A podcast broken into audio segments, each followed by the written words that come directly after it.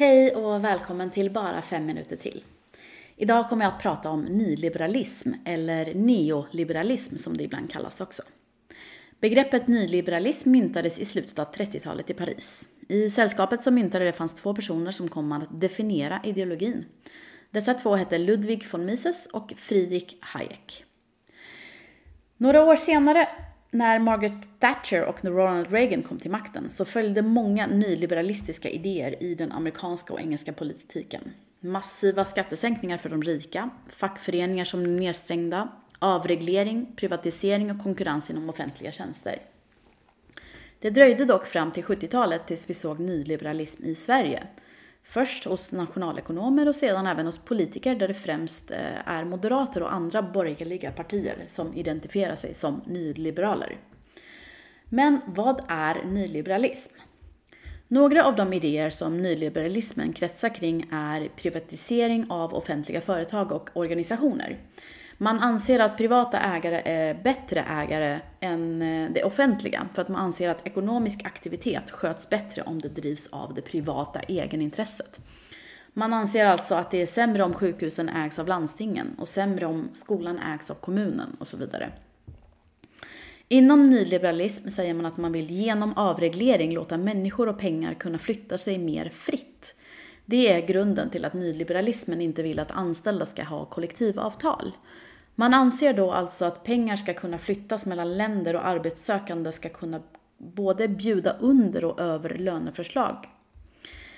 Ett exempel på hur det kan se ut i partipolitiken är när Reinfeldts eh, regering gav stöd för kollektivavtal på marknads, eh, arbetsmarknaden samtidigt som man sänkte arbetslöshetsunderstöd. Syftet med detta var alltså att arbetslösa ska kunna bjuda under varandra för att få ett jobb.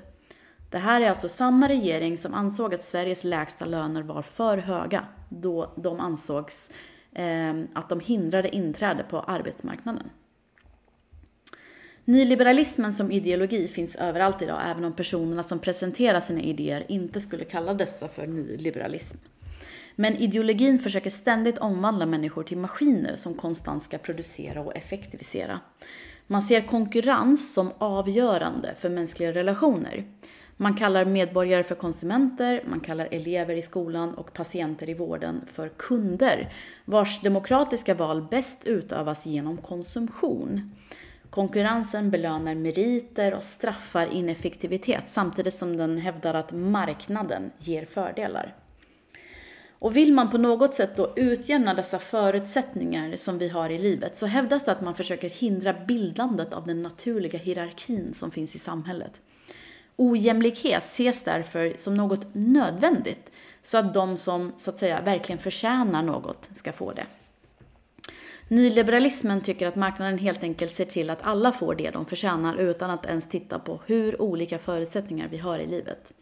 Kort och gott, eh, rika har sin position i samhället genom meriter och fattiga får skylla sig själva för sina misslyckanden. Man ignorerar allt som har med möjlighet till utbildning, arv och klass att göra. Som ni kanske hör är det väldigt individualistisk ideologi.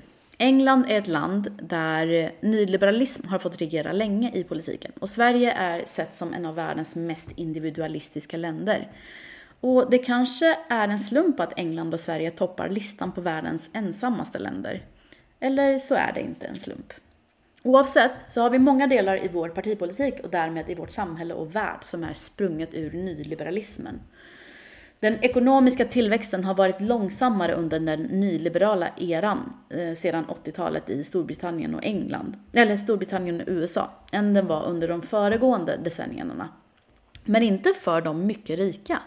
Ojämlikheten i fördelningen av både inkomst och förmögenhet ökade snabbt under den här tiden på grund av skattesänkningar, stigande hyror, privatisering och avregleringar. Så när man hör att marknaden vill ha det ena eller det andra så får man det att låta som att marknaden är något helt naturligt och inbyggt i oss människor och våra behov. Men det där stämmer inte. Marknaden är baserad på maktförhållanden och nyliberalism är politik som gynnar kapitalister. När man liksom börjar peta i skattesänkningar så kommer det att gynna de som redan är rika. När man dessutom börjar prata om att begränsa fackföreningar och kollektiv påverkan så betyder det egentligen friheten eh, att sänka redan väldigt låga löner. När man pratar om avreglering så betyder det att företag inte behöver förhålla sig till säkerhetsregler som skyddar arbetare.